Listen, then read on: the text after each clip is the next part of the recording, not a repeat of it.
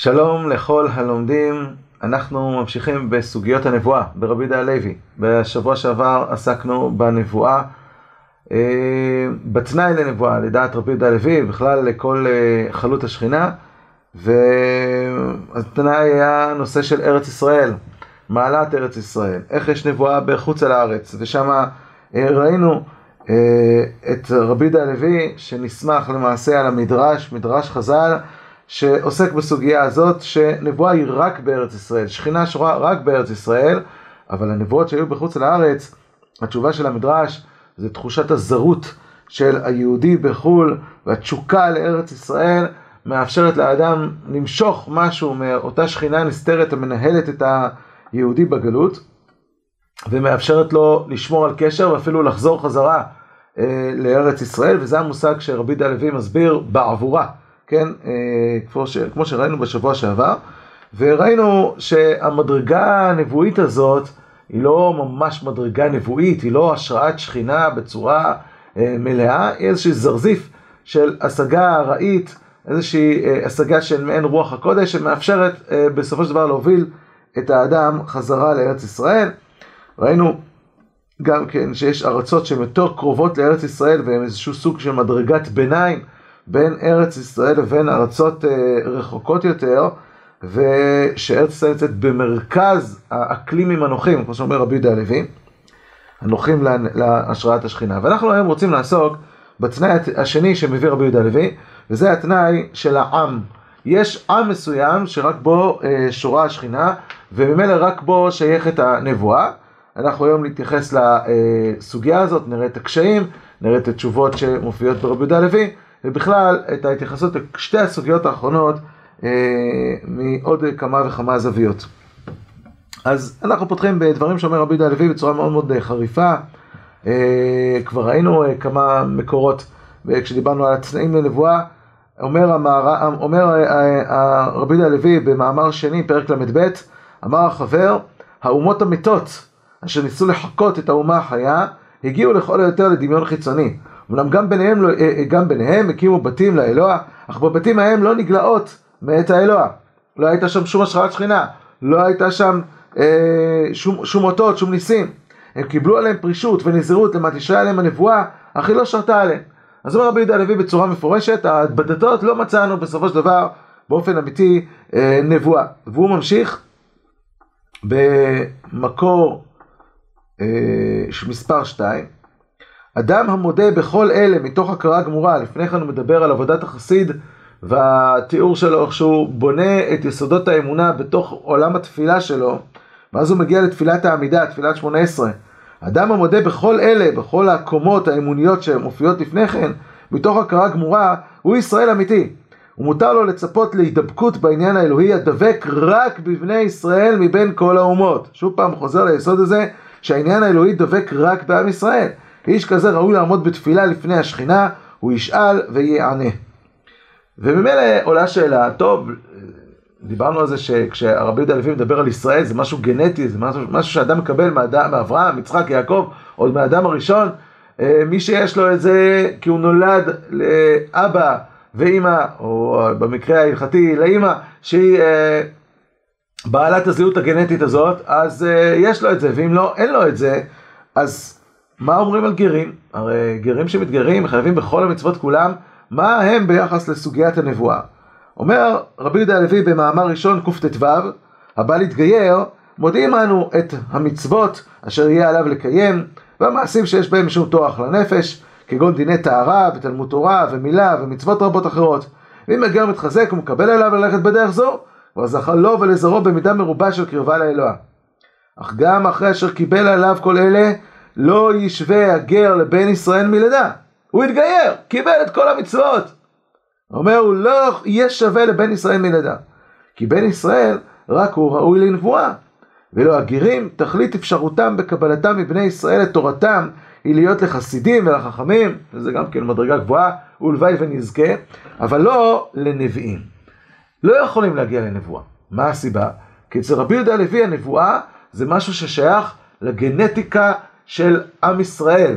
זה משהו שהוא אה, אה, אישי שעובר בתורשה. אז אדם שבבחירתו בוחר להיכנס לעם ישראל, עשה צעד עצום. יש לנו אה, אהבה וחיבה עצומה אליו, הוא מתחייב בכל המצוות, הוא יכול להגיע למדרגות מאוד גבוהות, להיות תלמיד חכם עצום, אבל לנבואה הוא לא יכול להגיע, כי נבואה זה משהו שהוא גנטי ישראלי. כך אה, כותב רבי יהודה הלוי. מה אה, המקור שלו? המקור שלו זה אותה, אותו ספרי. אומר הספרי בדברים, פרשת שופטים, נביא מקרבך מאחיך כמוני יקים לך השם אלוהיך, אז ראינו מקרבך, ראינו שזה ארץ ישראל, אה, אה, וזה נביא מקרבך ולא מחוץ אל הארץ, מאחיך ולא מאחרים. זה המקור, לא מאחרים. וראינו גם את הרמב"ן שם במקום, שגם כן מדגיש את היסוד הזה. ליסוד הזה של הסגוליות הישראלית, יש אפילו ביטויים בעולם ההלכה, לדוגמה במקום אה, אחר, יש לנו מצוות אה, אה, אה, מינוי מלך, ושם גם כאן כתוב, שום תשים עליך מלך מקרב אחיך, מקרב אחיך ולא מאחרים, והלכה פסוקה, כמו שכותב הרמב"ם, שגרים לא יכולים להיות, אה, לא יכולים להיות אה, מלכים, ולא יכולים, כן, אין מעמדים מלך מקהל גרים, אפילו אחר כמה דורות, עד שתהיה עמו מישראל. זאת אומרת, גר שהתחתן עם גר והוליד, עם גרה, והוליד בן, והוא התחתן גם כן עם גרה והוליד בן, וככה זה המשיך הלאה, הרבה דורות, הם ישראלים, כבר שנים הם ישראלים, כן. אבל כל עוד שאין פה זרע ישראל, אז אה, הוא לא יכול להיות אה, מלך, אה, הוא לא נקרא אחיך לעניין הזה. יש לנו עוד הלכות, למשל, גרים יכולים להתחתן עם ממזרים, ממזרות, למה?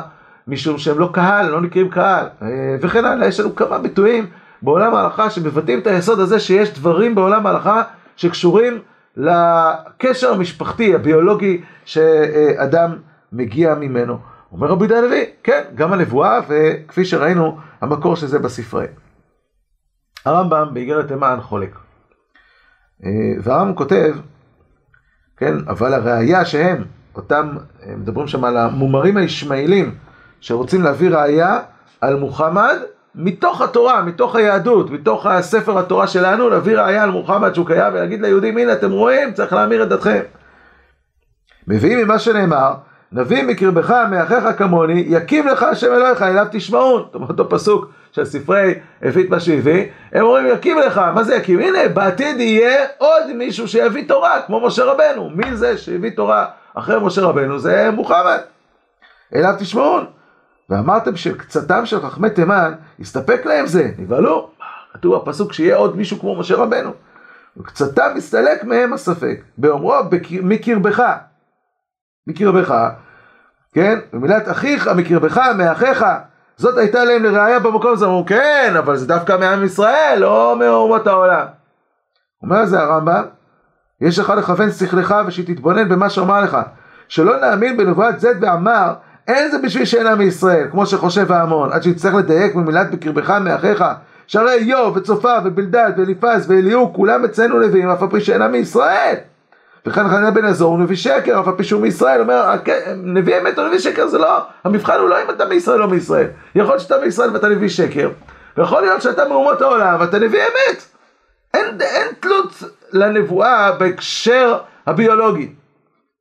מתקשר לנו למה שכבר ראינו ברמב"ם, שהתנאים לנבואה הם תנאים שהם שייכים ב, בכל אדם ממין האדם, זה היכולת השכלית והיכולת המידותית וכן הלאה. בסדר, בוודאי שאדם ישראל שיש לו תורה ומצוות, הסיכוי שהוא יגיע אולי, שיצליח להגשים את השלמות שלו בשכל ובמידות וכולי וכולי, אולי גבוהה יותר, אבל בסוף זה משהו שהוא במין האדם. אומר הרמב"ם, אין אמירה עקרונית שגוי לא יכול להיות אה, נביא. אה, מה שצריך להעיר על הרמב"ם זה פלא, יכול להיות שהיה לו גרסה אחרת בגמרא, איוב וצפה ובלדד ואליפס ואליהו, כולם אצלנו נביאים, אף על פי שאינם מישראל, זה הווה אמינא בגמרא במסכת בבא בתרא בדף ט"ו. הגמרא מביאה את זה כהווה אמינא, אבל היא דוחה. היא אומרת שהם אה, נביאים לאומות העולם, לא במובן שהם באו מאומות העולם. אה, הגמרא אומרת, והרי אליהו בן ברכיאל הוא מישראל, דכתיב ממשפחת רם. אז אומרת הגמרא, לא, אינבוי לאומות העולם. הם היו יהודים, היו ישראלים, רק שהם ניבאו בעיקר לאומות העולם. יש נביאים שניבאו בעיקר לישראל ומעט לאומות העולם, כמו ירמיה, ישעיה וכולי, ויש נביאים שניבאו בעיקר לאומות העולם, אה, כמו הרשימה הזאת, אבל הם היו יהודים, כך אה, הגמרא, זה הגמרא במסרת בבא בתרא, הרמב"ם כביכול מצטט הווה אמינא, אבל אולי כוונת הרמב"ם, עצם זה שהגמרא מביאה את זה כהווה אמינא, אומר ש... שיש אפשרות כזאת תיאורטית, נכון שהם עצמם לא היו, אבל אין בעיה עקרונית שנביאים יהיו מאומות העולם. אולי זו כוונת הרמב"ם ברמז שהוא מביא משם, מהאב אמינא של הגמרא. אבל אפשר להגיד שזה בדיוק כמו שדחתה הגמרא, שבאמת אי אפשר, כמו שאומר הספרי. בכל מקרה אנחנו רואים די במפורש שיש לנו פה מחלוקת מהותית בין רבי יהודה הלוי לבין הרמב"ם בשאלה האם גר יכול להיות אה, נביא, ואפילו גויים יכולים להיות אה, נביאים. לכאורה על רבי יהודה הלוי יש קושייה מגמרא, וזה גמרא במסכת סנהדרין דף ל"ט. אומרת הגמרא, חזון עובדיהו כה אמר השם אלוהים לאדום. מה ישנה עובדיה לאדום? אבי עובדיה יש לו פרק אחד, כל הפרק עוסק רק באדום. מה, מה יש לו לעובדיה אה, דווקא לאדום, שהוא ניבא דווקא לאדום? אומרת הגמרא, שתי תשובות. תשובה אחת, אמר רבי יצחק, אמר הקדוש ברוך הוא, יבוא עובדיהו הדר בין שני רשעים, הכוונה לאותו עובדיה אה, שהציל את נביאי השם, שגר בעצם בשייכות וסמיכות לאיזבל. ואחאב שהוא גר בין שני רשעים ולא למד ממעשיהם, וינבא על עשיו הרשע שדר בין שני צדיקים, יעקב ו... ויצחק, או יצחק ורבקה, ולא למד ממעשיהם. זו תשובה אחת. טוב, לפי התשובה הזאת, אז עובדיה זה היה יהודי, ישראלי. אמר אפרים מקשה תלמידו של רבי מאיר, משום רבי מאיר, עובדיה גר אדומי היה. לא!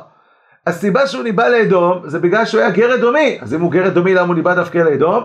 אומרת הגמרא שכשאתה חוצב אה, עצים ביער, אתה לוקח גרזן שהוא עצמו נוצר בעקבות מהעץ, שאתה לוקח מהעץ עצמו, שאותו אתה רוצה לכרות, ואיתו אתה כורת אותו. כן, אותו דבר, אנחנו לוקחים מאדום עכשיו את, ה, את עובדיה, והוא יהיה הכלי שדרכו אנחנו נכרות, או הקדוש ברוך הוא כורת את אדום. נו, גמרא מפורשת שעובדיה היה גר אדומי, כך מציע אה, רבי מאיר. שבעצמו היה בן, אה, כן, אה, משפחת גרים.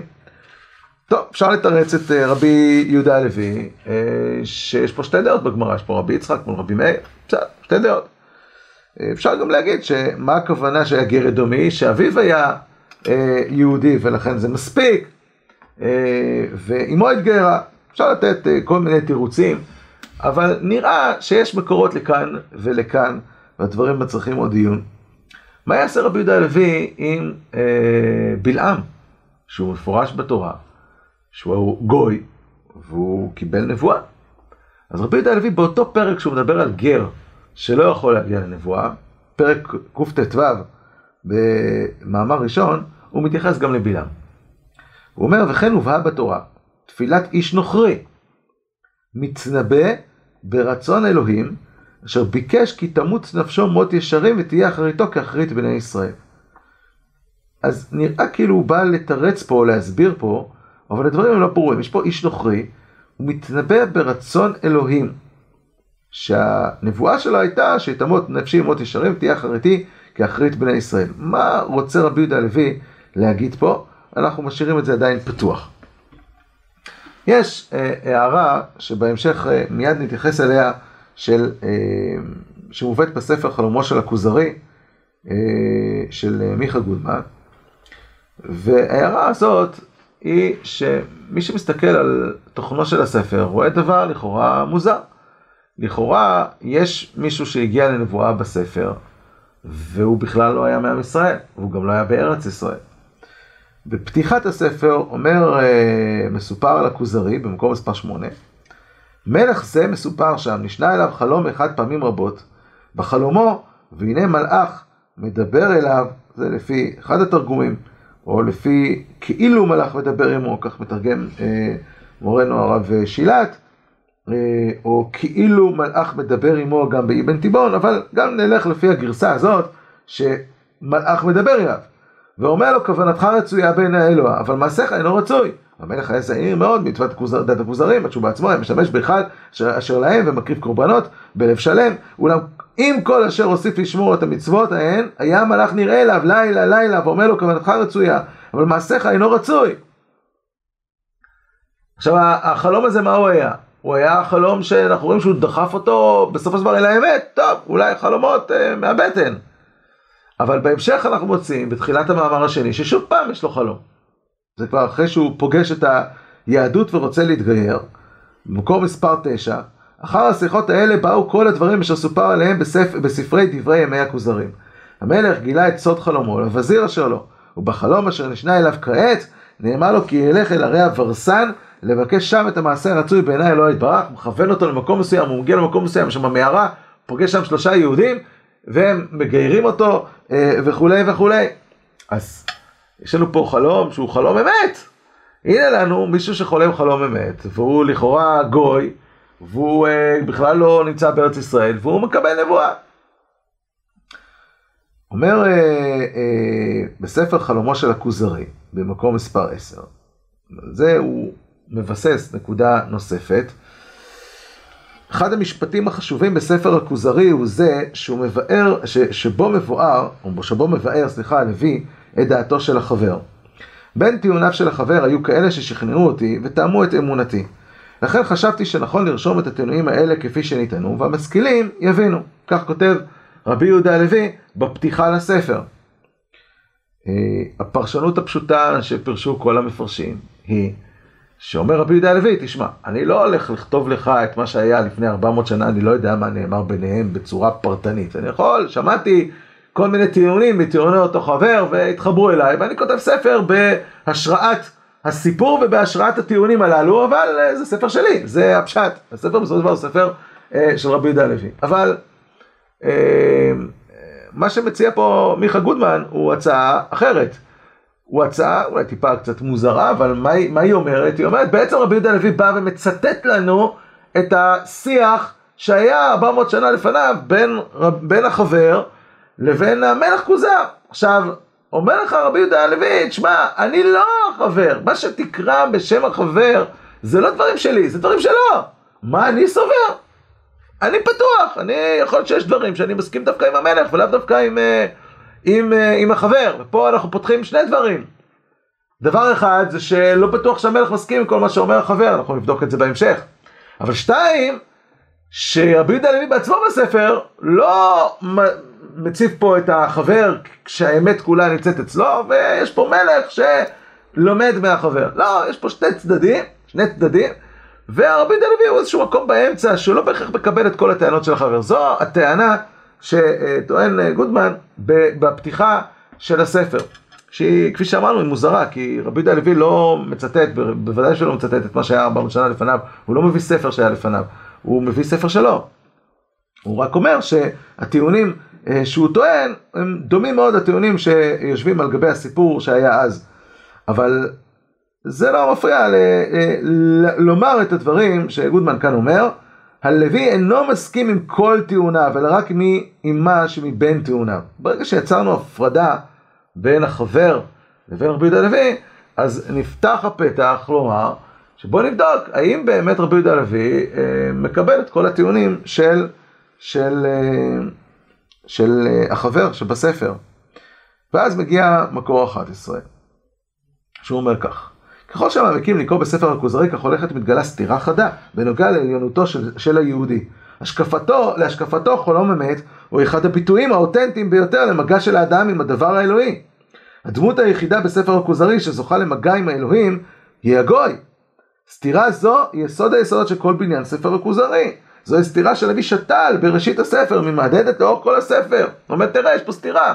מצד אחד החבר בא ואומר, הנבואה זה רק לעם ישראל, הנבואה זה רק בארץ ישראל. מצד שני, בפתיחה לספר יש לנו גוי, שהוא מגיע לכאורה לנבואה, מגיע לחלום, שזה, כמו שהוא אומר פה אה, בחלומו של הכוזרי, אחד הביטויים האותנטיים ביותר למגע של האדם עם הדבר האלוהי.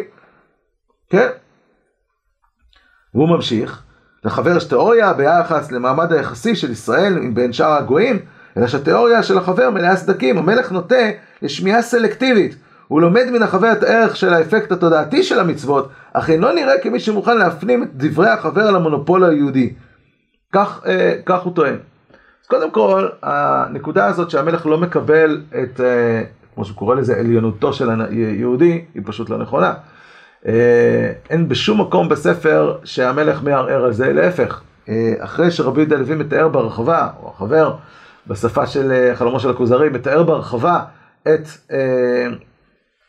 את התהליך ההשתלשלות של חלות העניין האלוקי מאדם ראשון עד לבני יעקב והלאה, אה, אומר, וזה בסימן צ"ז במאמר ראשון, אז אומר לו, אומר לו המלך ב...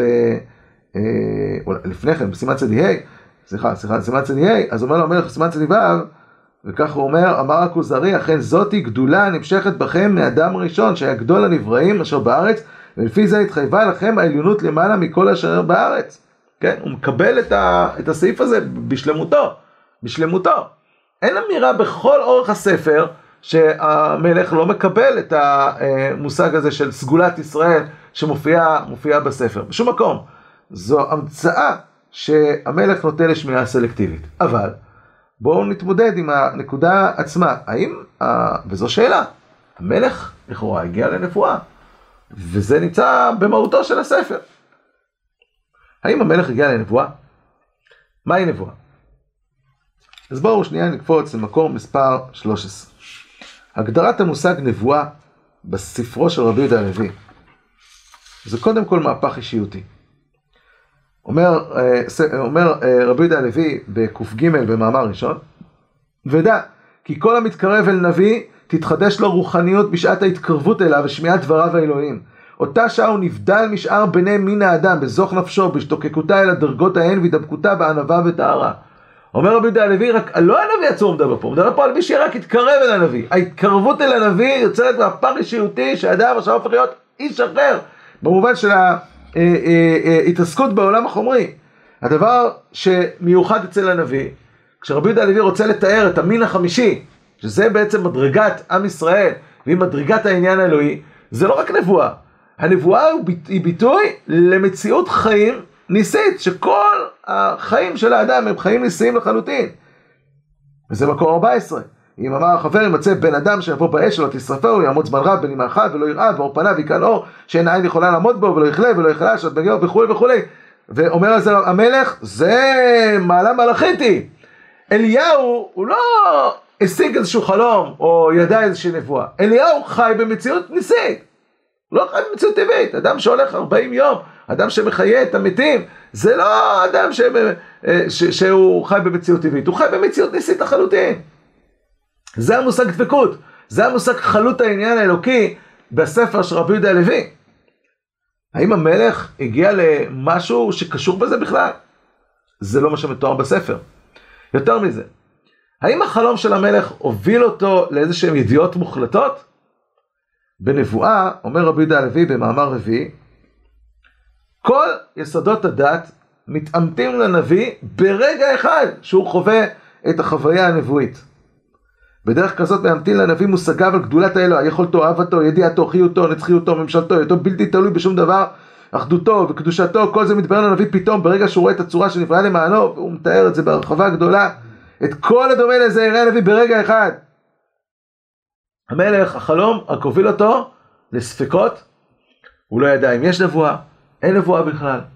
הוא עצמו הסתפק בכלל בנבואה ולא קיבל את זה שיש נבואה. אז מה זה החלום? חלום זה לא נבואה. חלום זה אה, מדרגה אחרת אה, שיוצרת ספקות. יש חלומות של אמת שמעוררות את האדם לחשיבה, מעוררות את האדם לאיזושהי קריאת כיוון, אבל זה לא נבואה. אנחנו תכף ננסה להעמיק בהבחנה שבין חלום לנבואה, שזה מהותו של הספר. מהותו של הספר זה לא לערער על סגולת ישראל, אלא ליצור הבחנה ברורה בין המדרגות שקיימות בכלל המציאות, לבין המדרגה שרבי יהודה הלוי רוצה לדבר עליה, שהיא מדרגה ישראלית.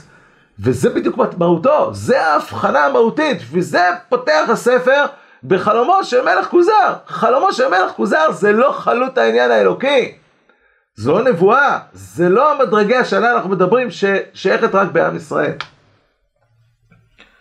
הראיה אומר המלך בסעיף צדיח במאמר א', אחרי שהוא מבין גם את מעלתם של ישראל וגם את תוכנם של המצוות ועד כמה צריך לחפש את הרצון האלוקי כדי לקיים מצוות האלוה.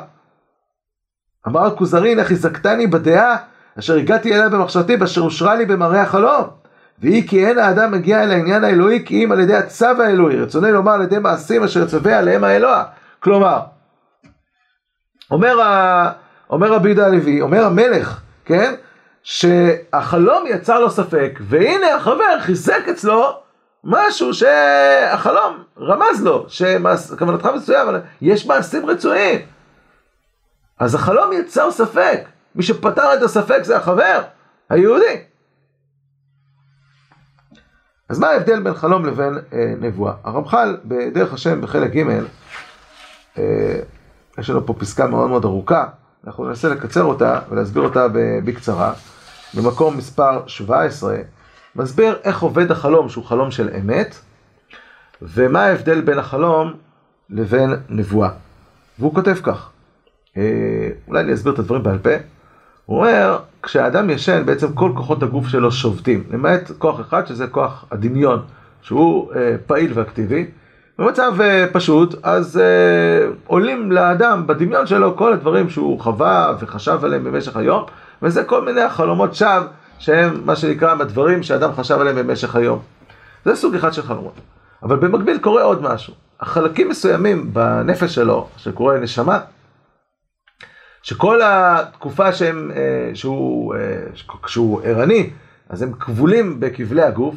ברגע שאדם ישן וכל הכוחות הגוף שופטים, יש להם יכולת להגיע חזרה לעולמות עליונים ולשוטט שם. ואז לפעמים משיגים איזושהי השגה מכוחות חיוביים של קדושה, שזה נקרא חלום על ידי מלאך, או לפעמים מתערבבים בכוחות של טומאה ומקבלים כל מיני השגות שלא בטוח שהן טובות לה, שזה חלום שהוא על ידי שד, כמו שאומרת הגמרא בברכות בפרק תשיעי, ואז בגלל שהכוח המדמה, הדמיון, הוא פועל בזמן השינה, הדברים הללו נטבעים בדמיון עם כל מיני תערובות של כל מיני דברים ששוב פעם הוא חשב עליהם במשך היום, ואז נוצר חלום שהוא חלום של אמת, שאין בו אה, בלי דברים בטלים, אבל יכול להיות גם חלום של אמת אם הוא קיבל את זה על ידי מלאך. וזה המושג חלום אחד משישים בנבואה. אז חלום זה איזושהי השגה שאדם יכול להשיג אותה בזמן השינה, איזושהי השגה, לפעמים היא בחלקה אמת, לפעמים היא שקר גמור, אה, לפעמים סתם דברים שהוא חשב במשך היום, וזה המושג חלום. יש פער עצום בזה לבין המושג חלום של הנביא.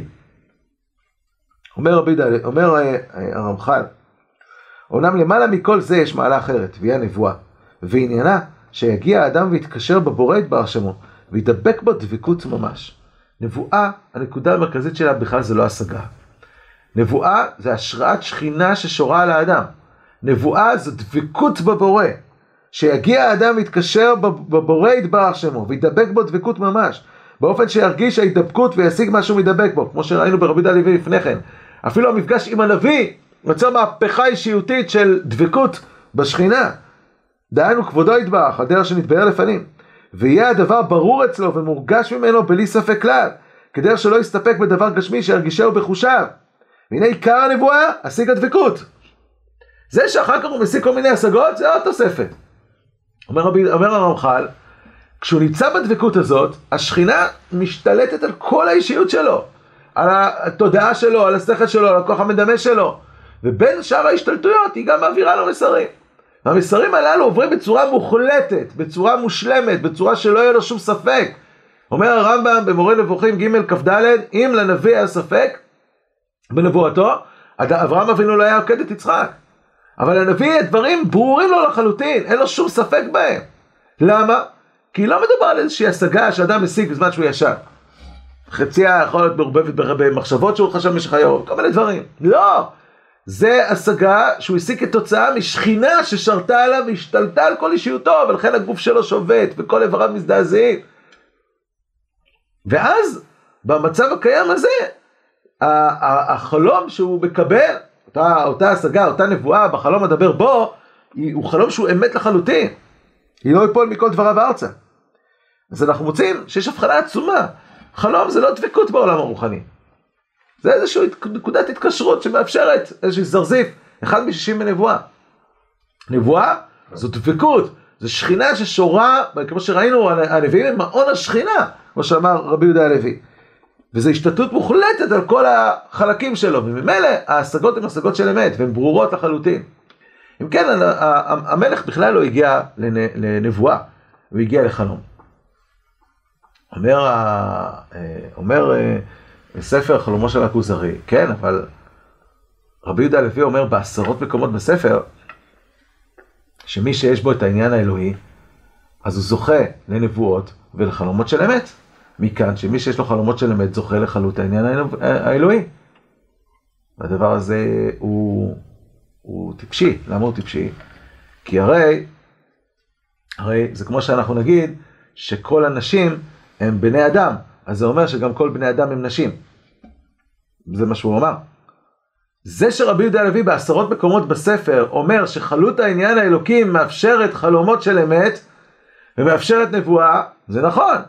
אבל זה לא אומר שמי שיש לו חלום של אמת, חל בו העניין האלוהי. שני דברים נפרדים לחלוטין. ברור שמי ששורתה בו, שורה בו שכינה, ונמצא במקום של שכינה, ונמצא, ב, ב, הוא, הוא ישראלי, והוא הגיע למדרגות הגבוהות הללו, אז הוא יגיע לנבואה, הוא יגיע גם כשלא לנבואה, לחלומות של אמת, אבל זה לא אומר שמי שחלם חלום של אמת, הוא במדרגה של חלות העניין האלוהי. וזה פשוט. אה, ומכאן אנחנו חוזרים לבלעם. מה אומר המדרש בראשית רבתי פרשת לך לך, במקור 12. אומר כך: ונתתיך לגויים ומלכים, בזכות המילה זכו ישראל לנביאים ומלכים, נביאים דכתים תתיך לגויים, ונאמר להלן נביא לגויים נתתיך, ולא אומות העולם העמידו נביאים, שנויה היא קודם מתן תורה, ולאחר מתן תורה פסק מהם רוח הקודש. והלא בלעם לא נתנבא, ולא בלעם, לא נתנבא אלא על ישראל. והלא איוב ורעיו, דיבר אומר איוב בימי יעקב היה. והלא אומות העולם העמידו מלכים, אלא שפוסק את מלכותם. אבל דוד וישראל ודוד, עבדי נשיא להם לעולם.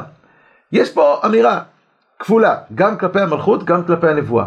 אם מצאת נבואה באומות העולם, יש פה שתי טענות, וזה מאוד מאוד אה, חוזר למה שראינו במדרש, גם לגבי ארץ ישראל. זה ארעי, זה לא משהו שהוא קבוע. ושתיים, הוא התנבא בעבור ישראל, אלא על ישראל. הנה חזרנו לרבי יהודה הלוי, רבי יהודה הלוי מכיר את המדרש הזה. איך מילה מגיעה לנבואה? קודם כל, אל תחשוב שמדובר פה על איזה נבואה במדרגה גדולה. זו הסיבה שבמקום אחר קוראים לבלעם קוסם. למה קוסם? כי זה סוג של נבואה כזאת, כמו שרואים בחלומו של, בחלום של מלך כוזר. זה איזה סוג של שער רוח, שהקדוש ברוך הוא מתגלה גם ללבן, מתגלה גם לאבימלך. בחלום הלילה הוא משיג איזושהי השגה. זאת לא נבואה של דבקות, זה לא חלות העניין האלוקי. אין פה נבואה במדרגת נבואה של ישראל. יש פה איזשהו זרזיף של השגה מסוימת שהקדוש ברוך הוא מנחית על אותו, אותו אחד. אחד. שניים, גם זה קורה רק בשביל ישראל. הקדוש ברוך הוא מתגלה לאבימלך בחלום הלילה, בשביל אברהם. הקדוש ברוך הוא מתגלה ללבן בחלום הלילה, בשביל יעקב. הקדוש ברוך הוא מתגלה לבלעם כדי שהוא יתנבא את נבואות הטובות כלפי עם ישראל, שנשמע את הברכות מהשונא שלהם. אז זה בדיוק מה שאמר רבי הלוי. אומר רבי יהודה הלוי, בלעם, אתה שואל איך הוא התנבא? ברצון אלוהים. זה בהנהגה ניסית, שבגלל שיש הנהגה ניסית על ישראל, אז יש לפעמים מצב שבזכות שהוא דורש את ישראל, דורש גם את כל שאר אומות העולם. זה ראינו בשבוע שעבר, גם כן, מה שאומר המדרש על ארץ ישראל ועל עם ישראל. הקדוש ברוך הוא דורש את ארץ ישראל, בתוך שהוא דורש את ארץ ישראל, דורש את כל הארצות עימה, כי לפעמים גם זה בשביל ישראל, גם זה בשביל ארץ ישראל, גם זה בשביל ישראל. אז אם כן, זאת התשובה של, של, של, של המדרש, זו התשובה של רבי יהודה הלוי לבלעם, ובעצם גם לחלומו של הכוזרי. כי כבר הסברנו בסוגיה שדיברנו על אה, אה, הקשר שבין עם ישראל לבין הקדוש ברוך הוא בתקופת הגלות, שרבי יהודה הלוי בונה את הספר דווקא על סיפור כזה של מלך שבסופו של דבר התגייר בתקופה שעם ישראל נמצאים בגלות, כי זה מבטא את השכינה הנסתרת השורה בעם ישראל אפילו בתקופת הגלות. ולכן המלך הזה, החלום שלו, למה הוא חלם חלום?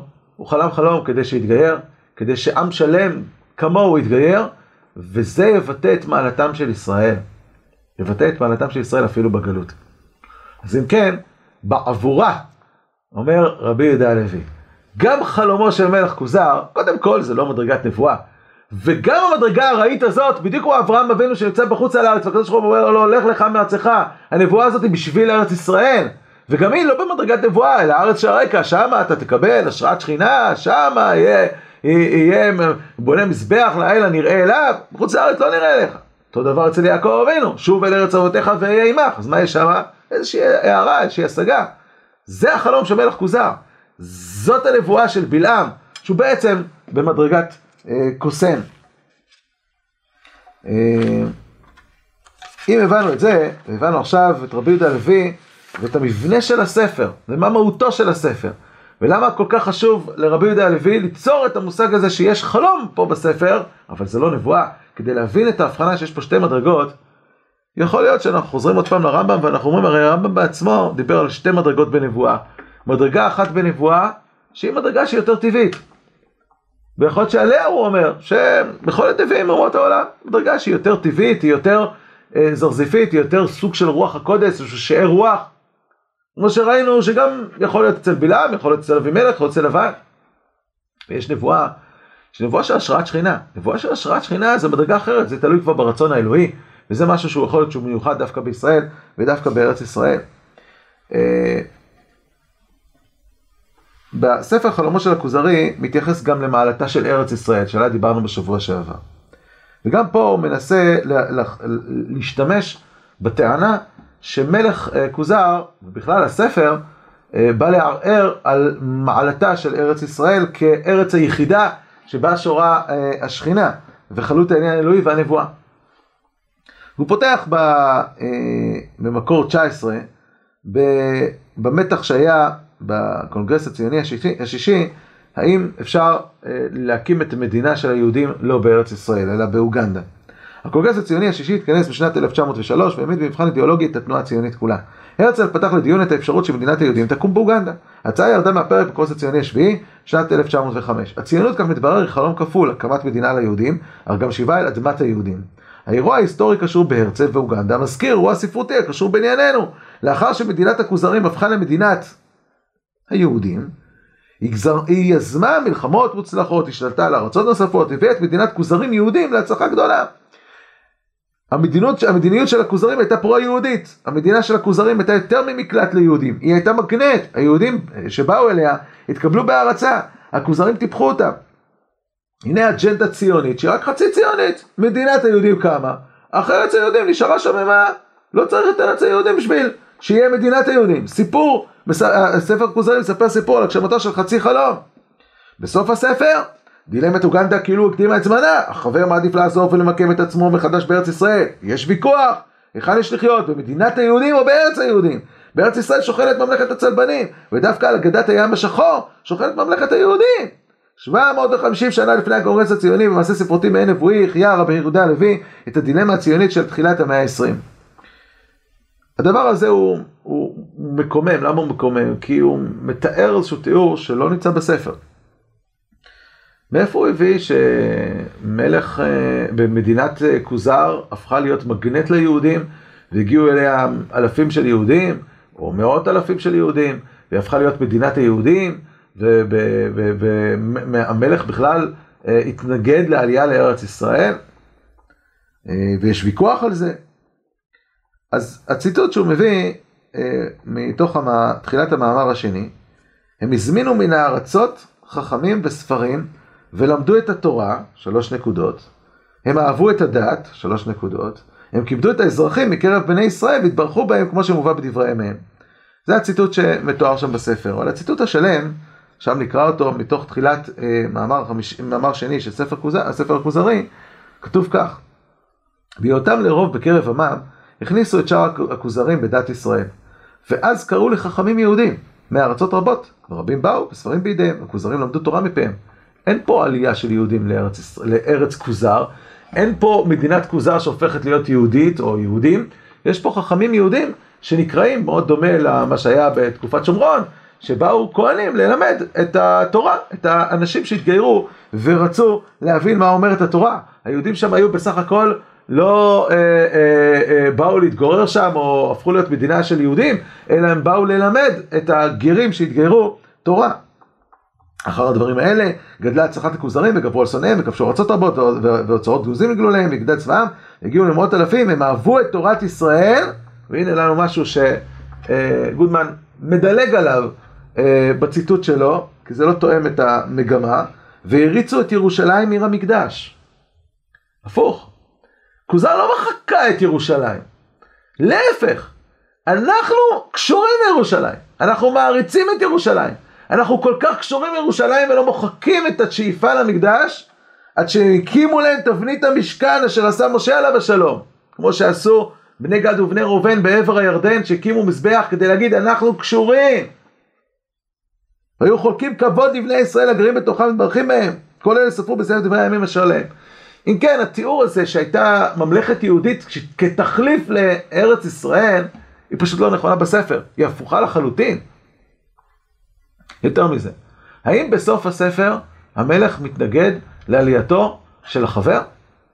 אחר הדברים האלה גמר החבר בליבו לצאת אל ארץ כוזר וללכת לירושלים, תיבנה ותיכונן. הכוזרי קשתה עליו פרידת החבר, ודיבר עמו על כך באומרו, מה יש לבקש בארץ ישראל היום, שהשכינה נהדרת היא ממנה, והיא לא קרבה לאלוה, אפשר להשיגה בכל מקום, זאת הייתה השאלה של המלך.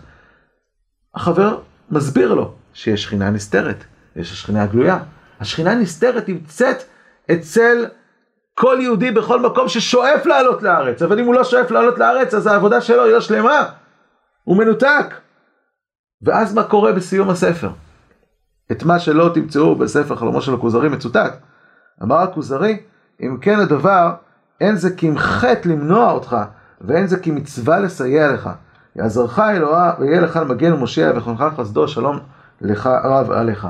אם כן המלך מחזק את ידו בעלייה לארץ ישראל. במילים אחרות, הספר מתחיל ומסיים. מתחיל בהבחנה של סגולת ישראל, ההבדל שבין מעלתו של גוי שמתגייר לבין יהודי מלידה, ומסיים במעלתה של ארץ ישראל. ושני הדברים הללו המלך מקבל. המלך מקבל את שתי הנקודות הללו בצורה מפורשת בספר. הוא שואל, מקבל תשובה, ומקבל את התשובה. כך בסגולת ישראל, כך בסגולת ארץ ישראל.